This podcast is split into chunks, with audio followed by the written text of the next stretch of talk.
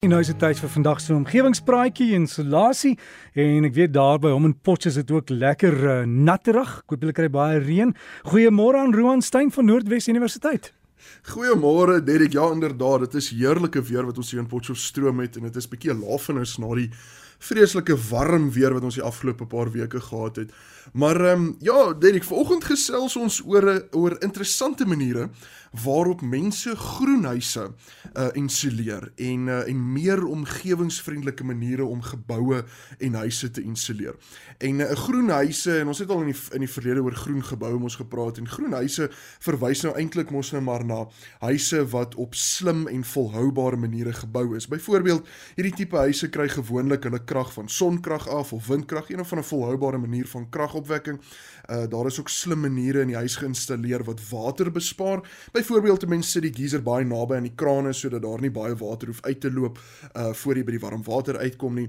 En uh, daar word uh baie natuurlike lig gebruik uh, sodat jy nie te veel uh, hoef ligte aan te skakel nie ensovoorts. Daar's nog baie maniere.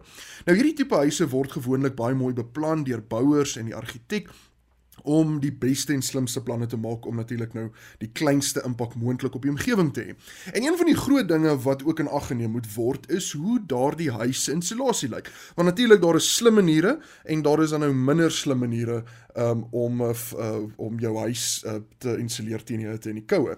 En die rede waarom ons nou spesifiek vandag daaroor gesels is dat daar um, het 'n baie interessante persverklaring uit Duitsland gekom vroeër die maand wat sê dit wetenskaplikes by die Universiteit van Göttingen het 'n proses ontwikkel waar hulle springmielies gebruik as 'n ekologiese omgewingsvriendelike insulasie vir huise en geboue.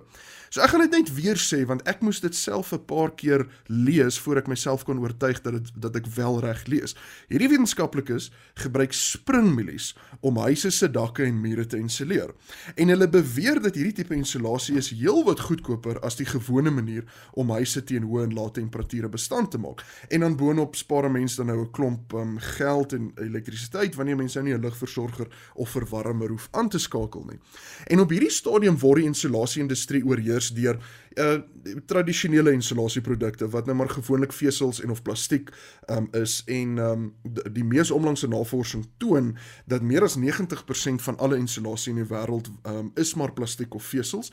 En ons het al oor voorheen oor plastiek gesels en die vervaardigingsproses van plastiek is maar ongelukkig 'n redelike vuil proses en die omgewing hou nie daarvan nie. En as ons enigiets kan doen om ons afhanklikheid van plastiek te verminder sal dit natuurlik 'n baie goeie ding wees.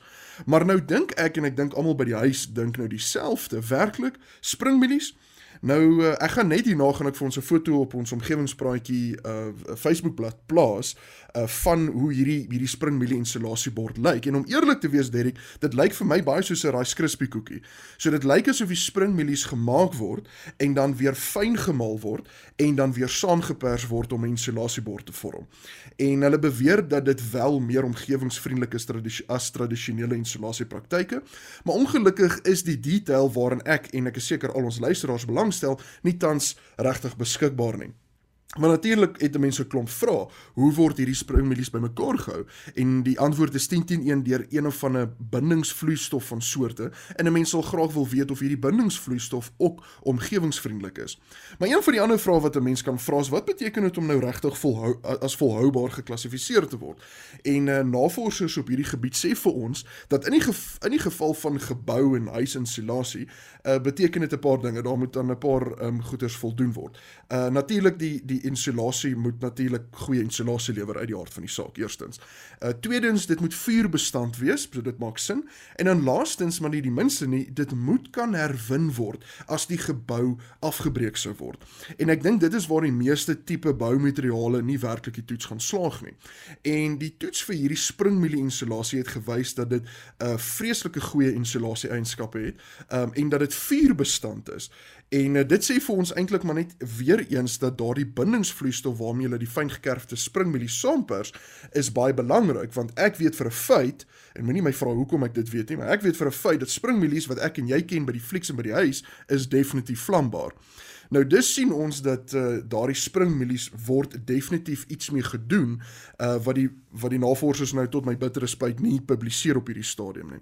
Nou die voordeel van hierdie installasie is dat dit plantgebaseer is en uh, indien nodig sal ons baie daarvan kan maak en dit kan moontlik 'n duik maak in ons afhanklikheid van plastiek en dis natuurlik altyd 'n goeie ding.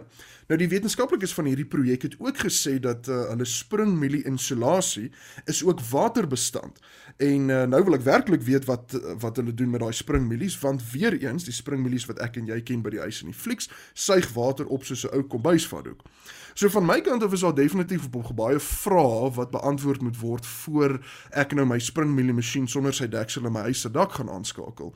En uh, dit het my net laat wonder of daar dalk reeds nie ander omgewingsvriendelike insulasieprodukte op die mark is nie. En daar is wel. Uh daar is 'n spesifieke veselglas insulasie um wat van herwinde glasbottels gemaak word.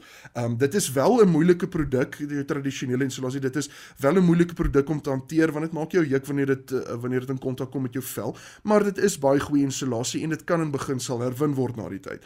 Um in Suid-Afrika word dit nie baie gebruik nie, maar skaapwol um, word deesdae in ander lande uh gebruik uh, as 'n insulasie in die dak en dit is seker so natuurlik soos wat 'n mens dit kan kry.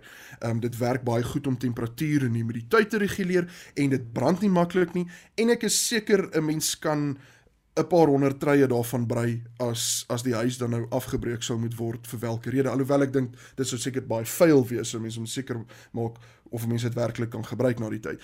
En dan is daar ook insulasie wat bekend staan as selulose insulasie wat nou maar meestal um, van ou koerantpapier gebruik word of, of gemaak word. Um, en dit is natuurlik 'n goeie ding want uh, anders as dit met stapels koerantpapiere so as mense 'n uh, 'n uh, tweede lewe vir daai koerantpapier kan gee, sal dit 'n goeie ding wees. En dan laastens is daar 'n produk wat bekend staan in Engels as earth wool insulation, oftewel aardwol insulasie. En dit word van 'n klomp afvalprodukte gemaak, nie anorganiese produkte en dit um, lyk baie dieselfde as die veselglas insulasie. Ehm um, dit is ook so 'n wol tipe ding, uh, bruin in kleur, maar is heelwat sagter en makliker om mee te werk en dit word baie meer deesdae gebruik. So ons sien dat daar is darm 'n uh, heelwat alternatiewe tot die springmielie idee en ek dink uh, tot ons nie meer uitgevind het uh, gekry het nie, moet ons maar eerder uh, fokus op die ander omgewingsvriendelike insulasie gebruike.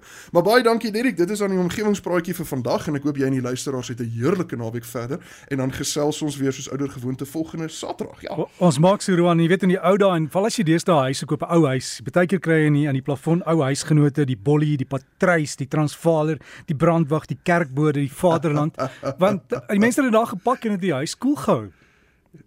Ja, dit maak sin. Dit dit, dit yep. maak heeltemal sin. En daar behoort seker 'n paar Argimediese ook te wees. Kan jy daai wetenskaplike tydskrif onthou?